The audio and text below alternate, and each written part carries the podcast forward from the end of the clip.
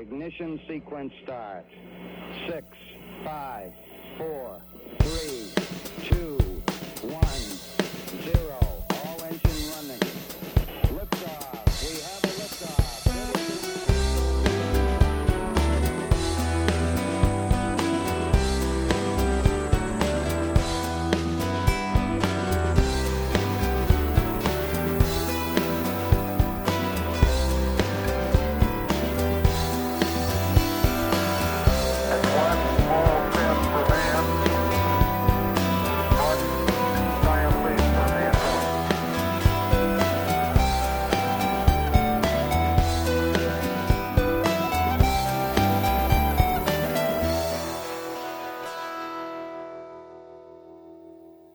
Hej och välkomna till Slottspodd, Slottsskogsobservatoriets poddradiosändning.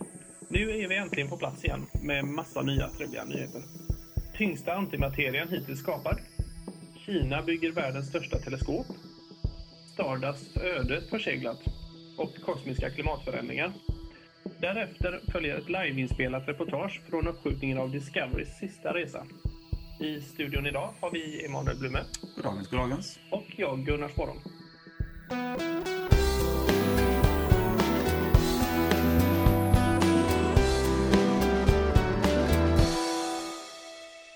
Var det dags igen. Ja, äntligen. Det var ju ett tag sedan sist. Vi har ju, den, den eh, uppmärksamma lyssnaren har väl noterat att det inte kom något avsnitt i april. Nej, precis. Vi har väl haft lite mycket, alla tre av oss egentligen kan man säga. Ja, just det. Alla tre. Ja. Idag är vi till och med bara två. Just. För eh, Katja, våran medarbetare hade så mycket annat för sig så hon kunde inte vara med. Då. Eh, men idag är det ett nytt avsnitt och det är mycket nya idéer som vi testar. I maj kommer vi till exempel ha två avsnitt av Slottspodd istället för bara ett. Just det. Det kommer ju bli en livesändning ifrån, eller det blir ju inte livesändning förstås, för det kommer inte vara live på hemsidan, men vi kommer spela in live nere på Nordstan när vi Just kommer det. att köra under Vetenskapsfestivalen. Det stämmer.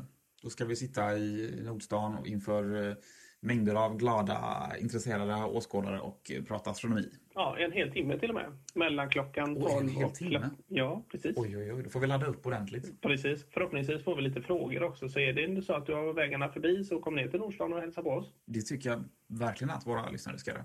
Mm. Och eh, om ni tänker på det också, ni lyssnare som lyssnar, att det är lite underlig ljudkvalitet idag. Så Just beror det. på att Gunnar har glömt våran vanliga mikrofon här. Nej, nu avslöjar det. Så vi, vi spelar idag in i en mp3-spelare och en mobiltelefon Mm. som står upplagda på varsin hushållsrulle på bordet i köket på observatoriet. Med det hälsar vi välkomna och börjar med nyheterna. Ja.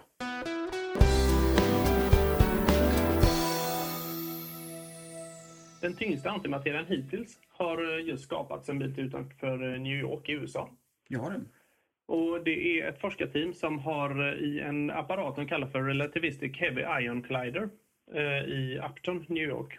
Som har kolliderat eh, bly och guldjoner i rejäla smällar med eh, alltså rel relativistisk fart, det vill säga nära ljushastigheten. Mm, nästa, det är så här 0,99999 av Ja, ljushastigheten. något sånt där. Exakt.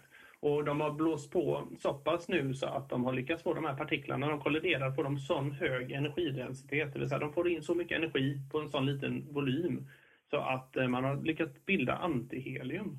Där ser man, man har, för innan så är det väl bara väte, olika kombinationer av väte som man har lyckats skapa. Kan man säga. De har till och med lyckats, förra året lyckats som en partikel som var lite spännande som man kallar antihypertriton. Eller antihypertriton, jag vet inte vad jag ska uttala det ärligt talat. Nej, jag mig inte ens jag. Nej, det är en udda partikel kan man säga med eh, en vanlig, anti, vanlig och vanlig, men en antiproton. En antineutron, det vill säga tungt väte, och en antilambdapartikel.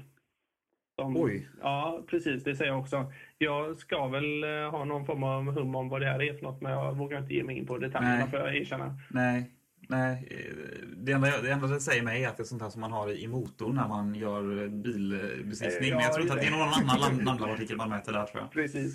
Nej, det rör sig om en eh, partikel som eh, i alla fall åtminstone är betydligt tyngre än både protonen och neutron om jag inte minns fel. Ja, där ser man. Är det därför man har så tunga, du sa att man krockade bly och guld? Ja, precis. För att få den här höga energierna? Mm. För jag menar, ska man få samma energi med en eh, vätekärna till exempel så får man ju blåsa på med mycket, hög, eller mycket högre hastighet i en Ja, relativt Ja, högre. precis. Det är, en helt annan, det är ju inte en linjär skala där, den, men den måste... Den måste upp i högre hastigheter. Just det, och det väldigt svårt att accelerera när man är i så extremt höga hastigheter Ja. som man redan är där. Precis. Och då lönar det sig faktiskt att stoppa in eh, guldatomer och annat motsvarande. Ja, så, om- så dyrt är ju inte guldet ändå. Liksom. Nej, ärligt, ärligt talat tror jag det räcker med ett par tusen guldatomer för att eh, de ska kunna köra den här processen. Och sen så kör de lite på måfå och kör de åt varsitt håll. Eh, En hel uppsjö med partiklar kan man säga Okej. som har hög fart. Mm. Och sen så får man mängder med kollisioner och så tar man något eh, snyggt medelvärde på det för att se vad som poppar ut. Och nu har man alltså lyckats få till heliumatomer. Antiheliumatomer. Antihelium. Det fascinerande är faktiskt att de har hunnit både bilda två antiprotoner och två antineutroner och sen att de hunnit kombinera sig med varandra. Och man hunnit Okej. detektera sen när de bryts ner. Jaha, men titta. Ja. Då har de levt så länge så de har hunnit eh, kom- precis. bilda dejta, eller på att säga. Bilda Ja, par. Eller bilda och det är ju fyr- faktiskt fyra partiklar som måste träffas samtidigt. Ja, det Sen- är en ganska liten sannolikhet rent statistiskt Ja, om man nu räknar men har man många tusen partiklar och sannolikt så, eh, jag menar en guldatom innehåller ju ganska många protoner och ganska många neutroner.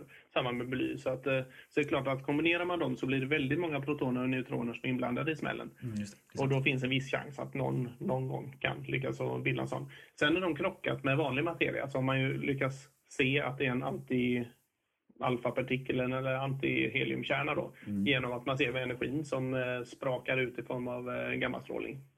Just det. Då återstår det bara att se vad man ska ha det här till. Ja, det är en bra fråga. Om man ska följa vissa författare så kan man ha det och spränga massa saker i. Men de har inte lyckats att bevara den här antimaterian så länge så att det går att lagra den kan man säga. Nej, det, det väntar vi med spänning. Sen kan Ja. vi ha det som andra författare har skrivit om, till exempel i eh, Warp Drives i rymdskepp och grejer. Precis. Mm. Fast inte Star Trek va? Inte den typen av warp drive utan en annan version. De har väl antimateria i den? Ja, fast det var inte det, var inte den vanliga sorten. Vi får fråga våra kollegor. Ja, ja, precis. Våra kollegor i programmet eh, Science Fiction-radion i Lund. Ja. Just det. Radio. AF.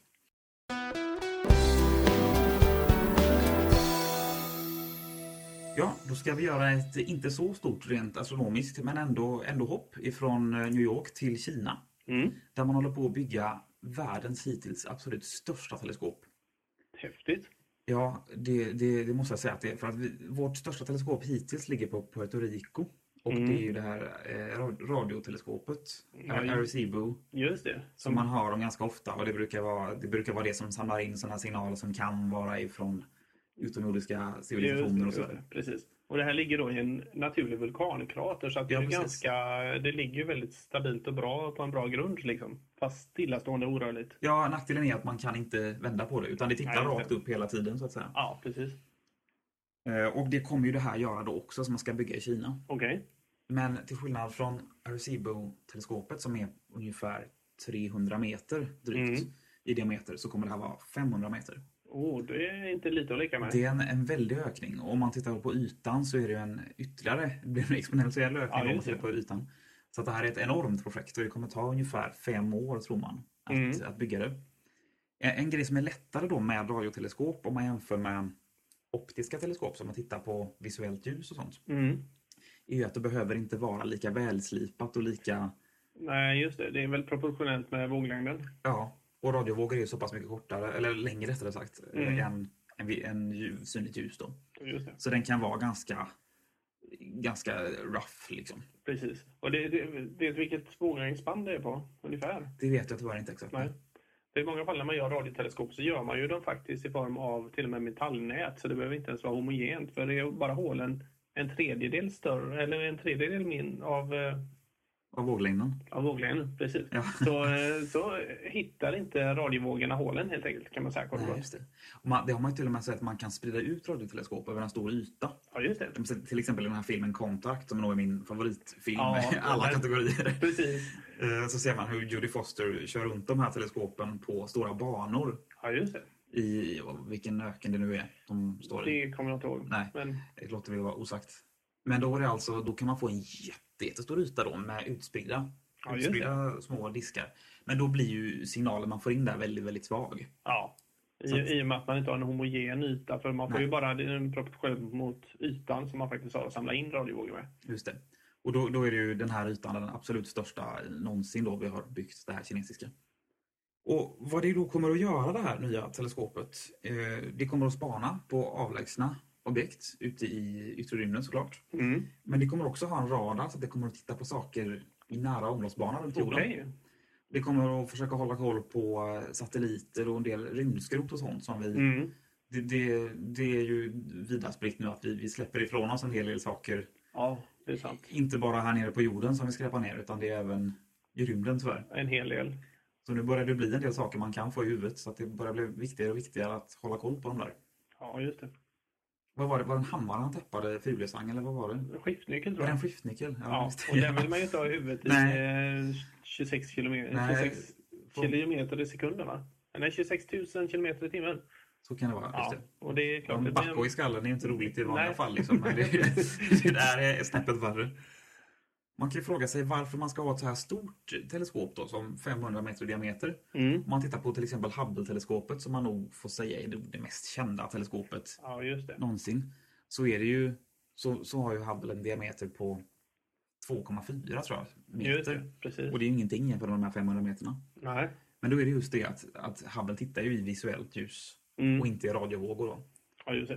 Å andra sidan så behöver teleskop som Hubble och Kepler och de här vara väldigt mycket mer minutiöst välslipade. Ja, det måste det ju vara. Absolut. Och det, för de är ju till och med inne, inte Kepler kanske, men Hubble-teleskopet är ju inne och snokar på eh, ultravioletta våglängder faktiskt. till och Mm, med. just det, det är ännu lite det ännu, ja, precis. Ja. Så om fem år så kommer det finnas ännu mer roliga grejer vi kan eh, se fram emot och rapportera om i det här programmet. Ja, härligt. Det får helt enkelt hålla igång ett tag till. Ja, det får vi göra.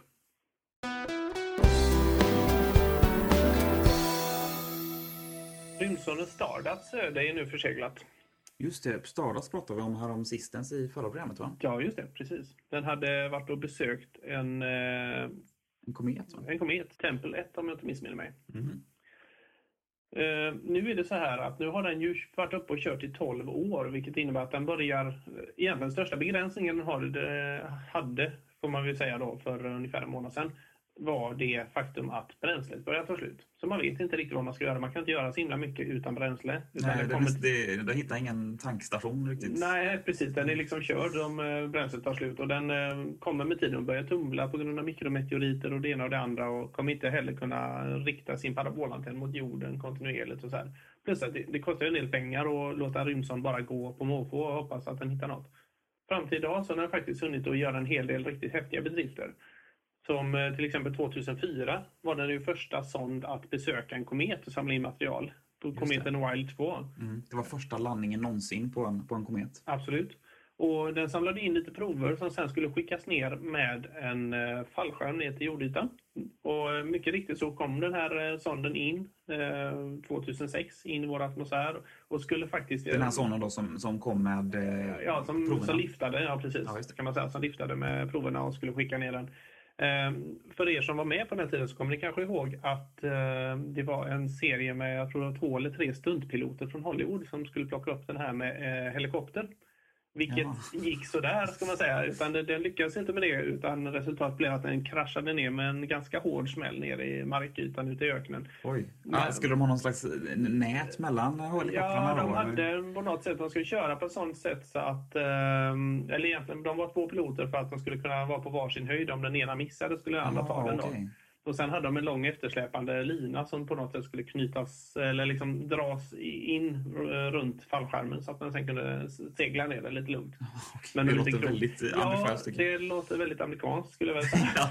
Så att, eh, med lite större fallskärm så hade man kanske kunnat vara lite säkrare på att den dumpit ner med lite, med, med lite lugnare fart. ja.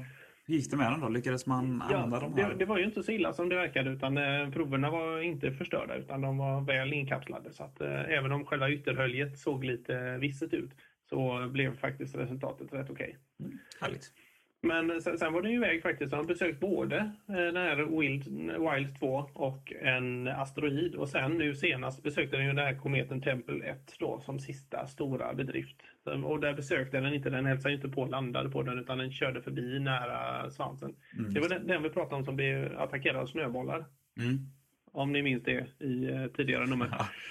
Ehm, och sen nu när det börjar närma sig slutskedet och bränslet mer eller mindre tagit slut.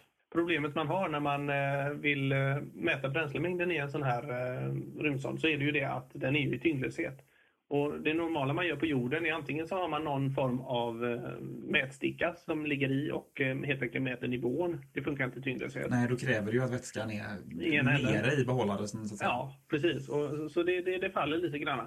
Och sen finns det ett annat alternativ och det är att väga bränslet. Det finns ju en eh, del farkoster som kan lyckas med det. Då. Men det behöver också tyngd, tyngdkraft, gravitation. Man skulle kunna eh, ha någon form av elastisk påse man kunde mäta diametern på kanske. Ja, men, ja, jo i och för sig skulle man kunna göra. Eller med hjälp av radar inne i eller något sånt. Ja. Kanske, möjligtvis. Men eh, det har man inte. Nej. Eftersom det helt enkelt är dyrt och obekvämt. Utan man gissar ungefär hur mycket man har kvar. Så nu hade man eh, någon form av beräkning på hur mycket man hade. Och bara för att testa exakt hur mycket man faktiskt hade kvar och se om beräkningarna stämmer så körde man helt enkelt eh, bränslemätaren i botten. Okej. så man körde en eh, liten eh, ska jag säga, raketsprutt på eh, ett par minuter tills bränslet tog slut. Och så eh, går man tillbaka till ritbordet och räknar lite och funderar. På... Stä- Stämde det på om vad du hade de kvar? Och så Det har de inte berättat än. Nej, okej. Nej, det så är att det, hemligt det, smakligt. antingen är det hemligt eller så har de hit, hit, helt enkelt inte kommit på det än. Nej, okej. Så, eller jo, det måste de ha gjort, men vi har inte fått informationen kort gott. Va- Vart var den på väg då när de smällde ur den? Utan var det ut ur solsystemet eller var det Ingen in? aning, ingen aning. Men eh, det ska bli intressant att se om de här beräkningarna fungerar. Och, för, för det är ju ganska avgörande nästa gång man skickar upp något. Onekligen.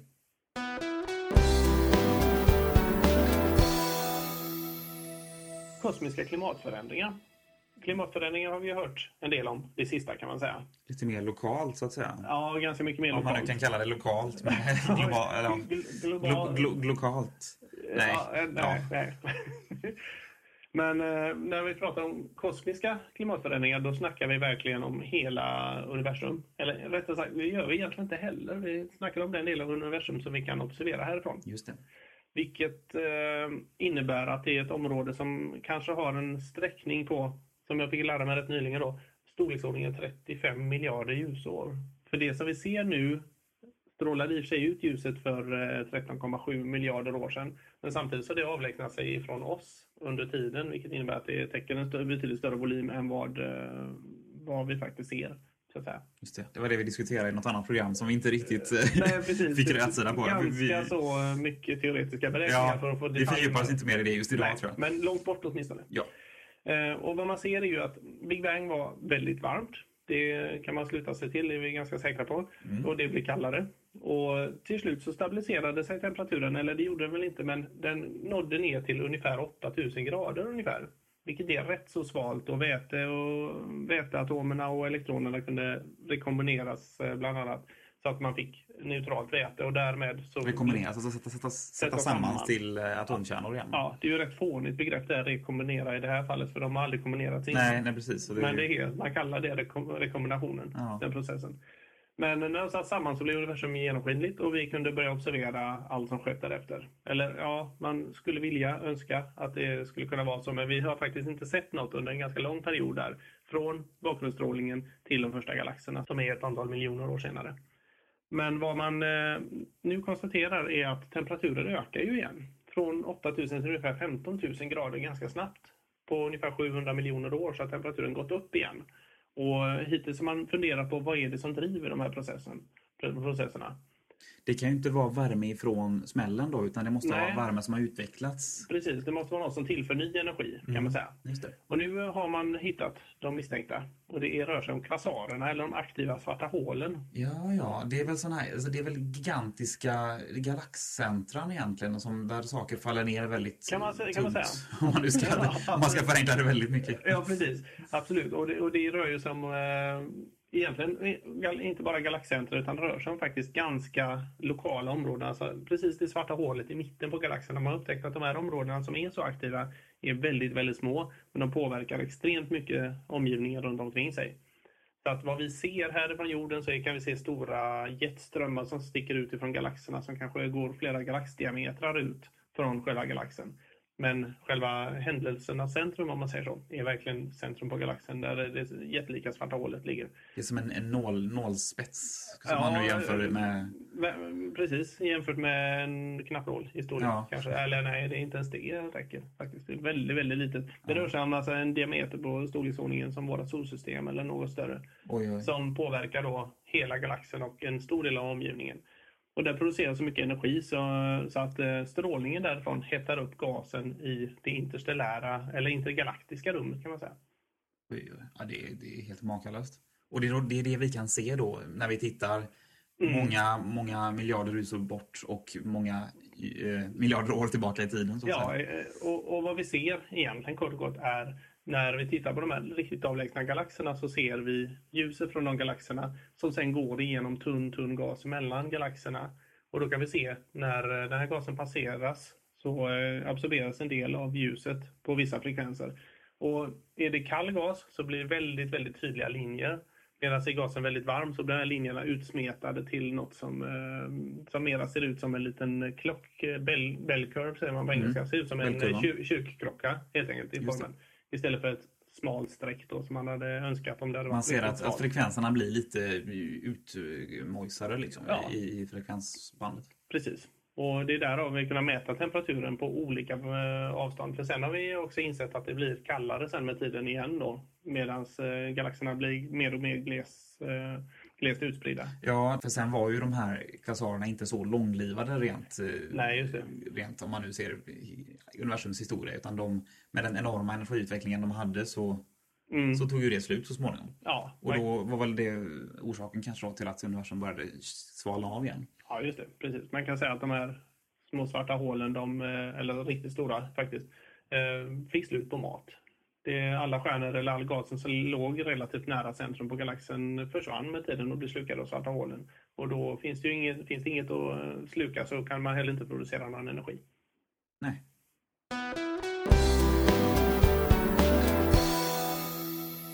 Då har vi kommit fram till ytterligare en, ett spännande inslag i det här avsnittet av Slottspodd.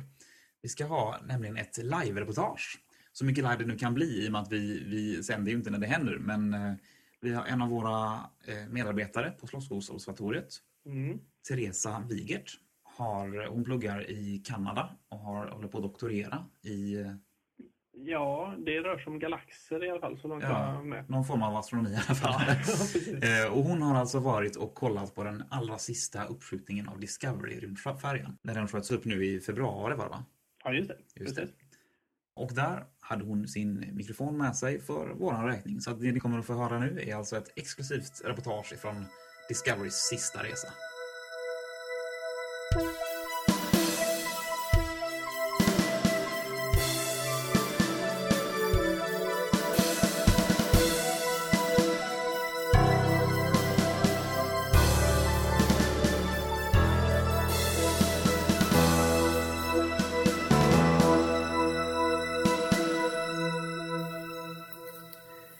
24 februari åkte rymdfärjan Discovery på sin sista färd efter ett antal inställda uppskjutningsdatum.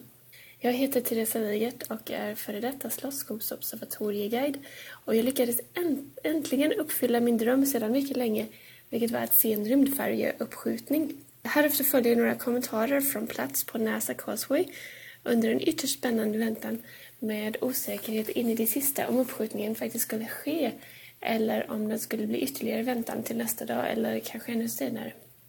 Min bror och jag stod cirka 6 miles eller 9 kilometer från uppskjutningsrampen 39A och så nära man kan komma om man inte är eh, VIP, journalist eller personal. Tillsammans med så många människor som kan rymmas i minst 57 bussar. Discovery skickades upp till ISS för att, eh, för det, detta är alltså internationella rymdstationen, för att installera eh, två prylar. The Permanent Multipurpose Module, vilket är en stor eh, trycksatt container som används för att eh, flytta över cargo till och från rymdstationen.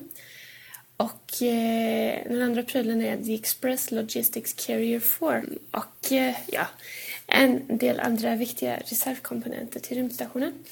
Men nu över till eh, Causewayen och den faktiska uppskjutningen.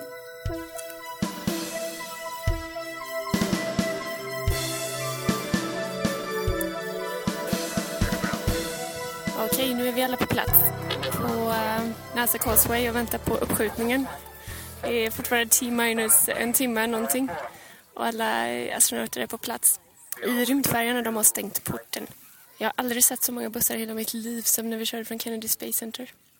NASA Causeway är lång och utsträckt så det finns plats för många, många människor. På vissa ställen så är det lite svårare att se rymdfärjan för det är några öar i vägen. Men här där vi är så ser vi den väldigt väl. Dock har vi lite buskage framför. Okej, så det är T minus 44 minutes. Ja, minus några andra minuter. Ehm, och eh, fortfarande så är det verkar som allting är redo för att gå. Jag sitter här och äter eh, amerikanskt bröd med eh, Swiss cheese. Och, eh, det smakar svamp samtidigt som vi känner lukten av underbara Florida-apelsiner. Så jag måste åka och köpa apelsiner efteråt. Vädret är riktigt varmt men det kommer moln förbi då och då som gör det lite skönare. Uh, T 23 minuter. Nu är det verkligen så att om de, om de cancellerar så kommer det bli sista, sista minuten eh, uppskjutning av uppskjutningen. Det måste vara ett tröttsamt skämt. I alla fall, eh, allting är färdigt. De sitter där inne, de har kört undan gången, allting är redo och det bara vänta de sista 20 minuterna här. Och det är riktigt spännande. Riktigt, riktigt spännande.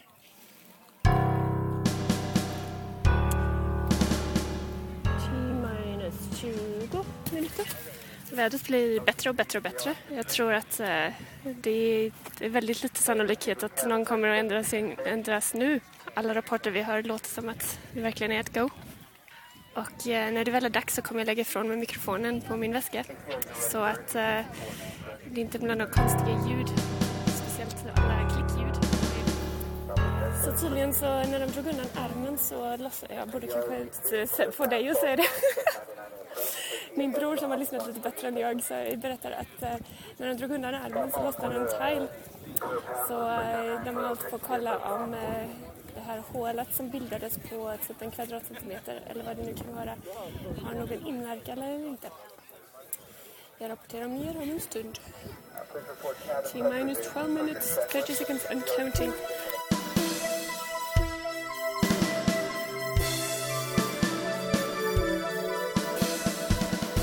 Nu ska vi se. Uh, så de lappade den tilen. Det var tydligen, den hade blivit scratchad av armen så när de drog undan den och uh, så de eh, flabbade, floppade över lite coating för att eh, fixa detta. Ni får ursäkta min svengelska. Så nu är vi på T 9 minutes hold och jag vet inte hur länge den kommer att vara men allting är beräknat så att eh, man fortfarande ska kunna ha launchen inom det här 10 minuter fönstret som eh, ett väldigt litet fönster som den måste ske inom för att kunna göra en flygning till att docka med Space stationen.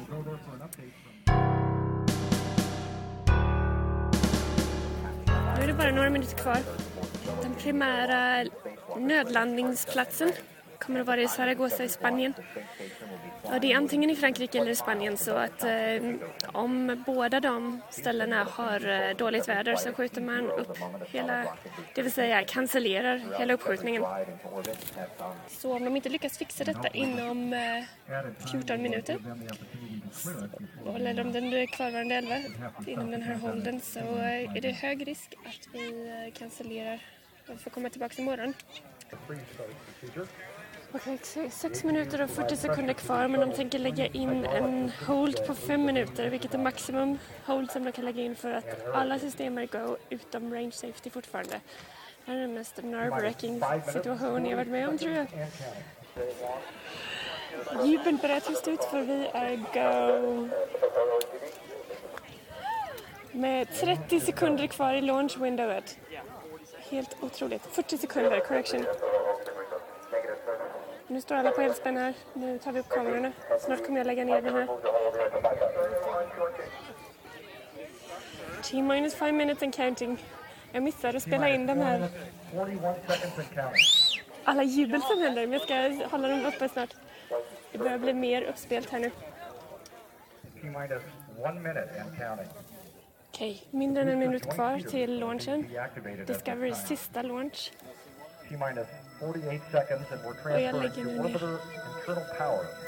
Coming up on a go for auto sequence start at T minus 31 seconds. And we have a go for auto sequence start.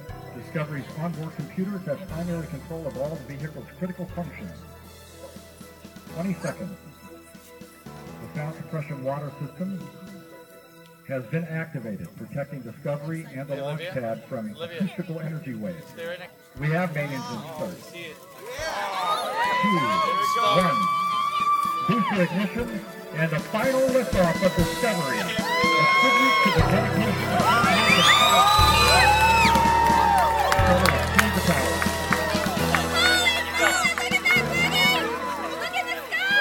to Houston, the space shuttle now rolling over back for an eight and a half minute ride into orbit. Discovery now making one last reach for the stars.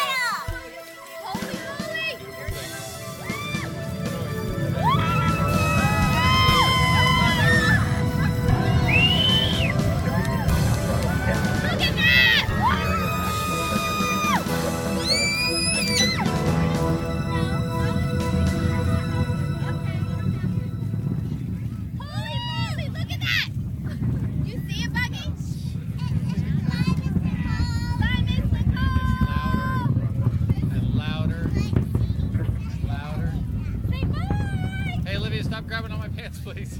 37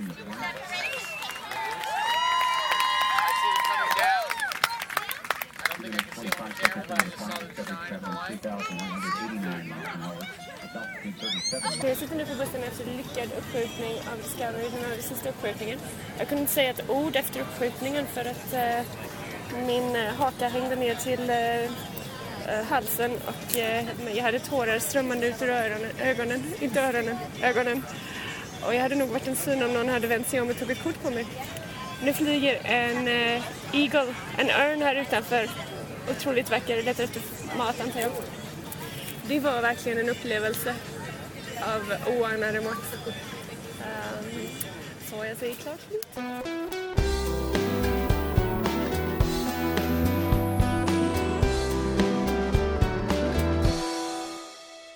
Det här var, skulle man kunna säga, ett, ett historiskt ögonblick. Både i programmets historia och i mänsklighetens historia. Oj, vad högtidligt det blev nu. Eh, Men eh, vi tackar Teresa i alla fall. Och, eh, och hennes nyutvecklade svengelska. Och, eh, Det får vi göra. och vi kommer att avsluta programmet, inte med några kortnyheter idag, men med månadens stjärnhimmel. Och så kommer vi återkomma i mitten av maj när vi sänder live från Nordstan i Göteborg.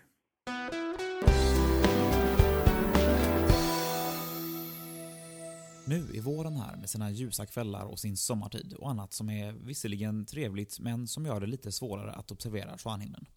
Men det finns dock fortfarande en hel del att se för den som tittar. Stjärnhimlen runt den 15 maj klockan 23 ser ut så här ungefär.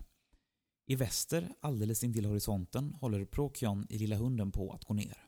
Något ovanför och till höger om densamma står tvillingarna sida vid sida. Rakt upp i zenit står Karlavagnen på ända.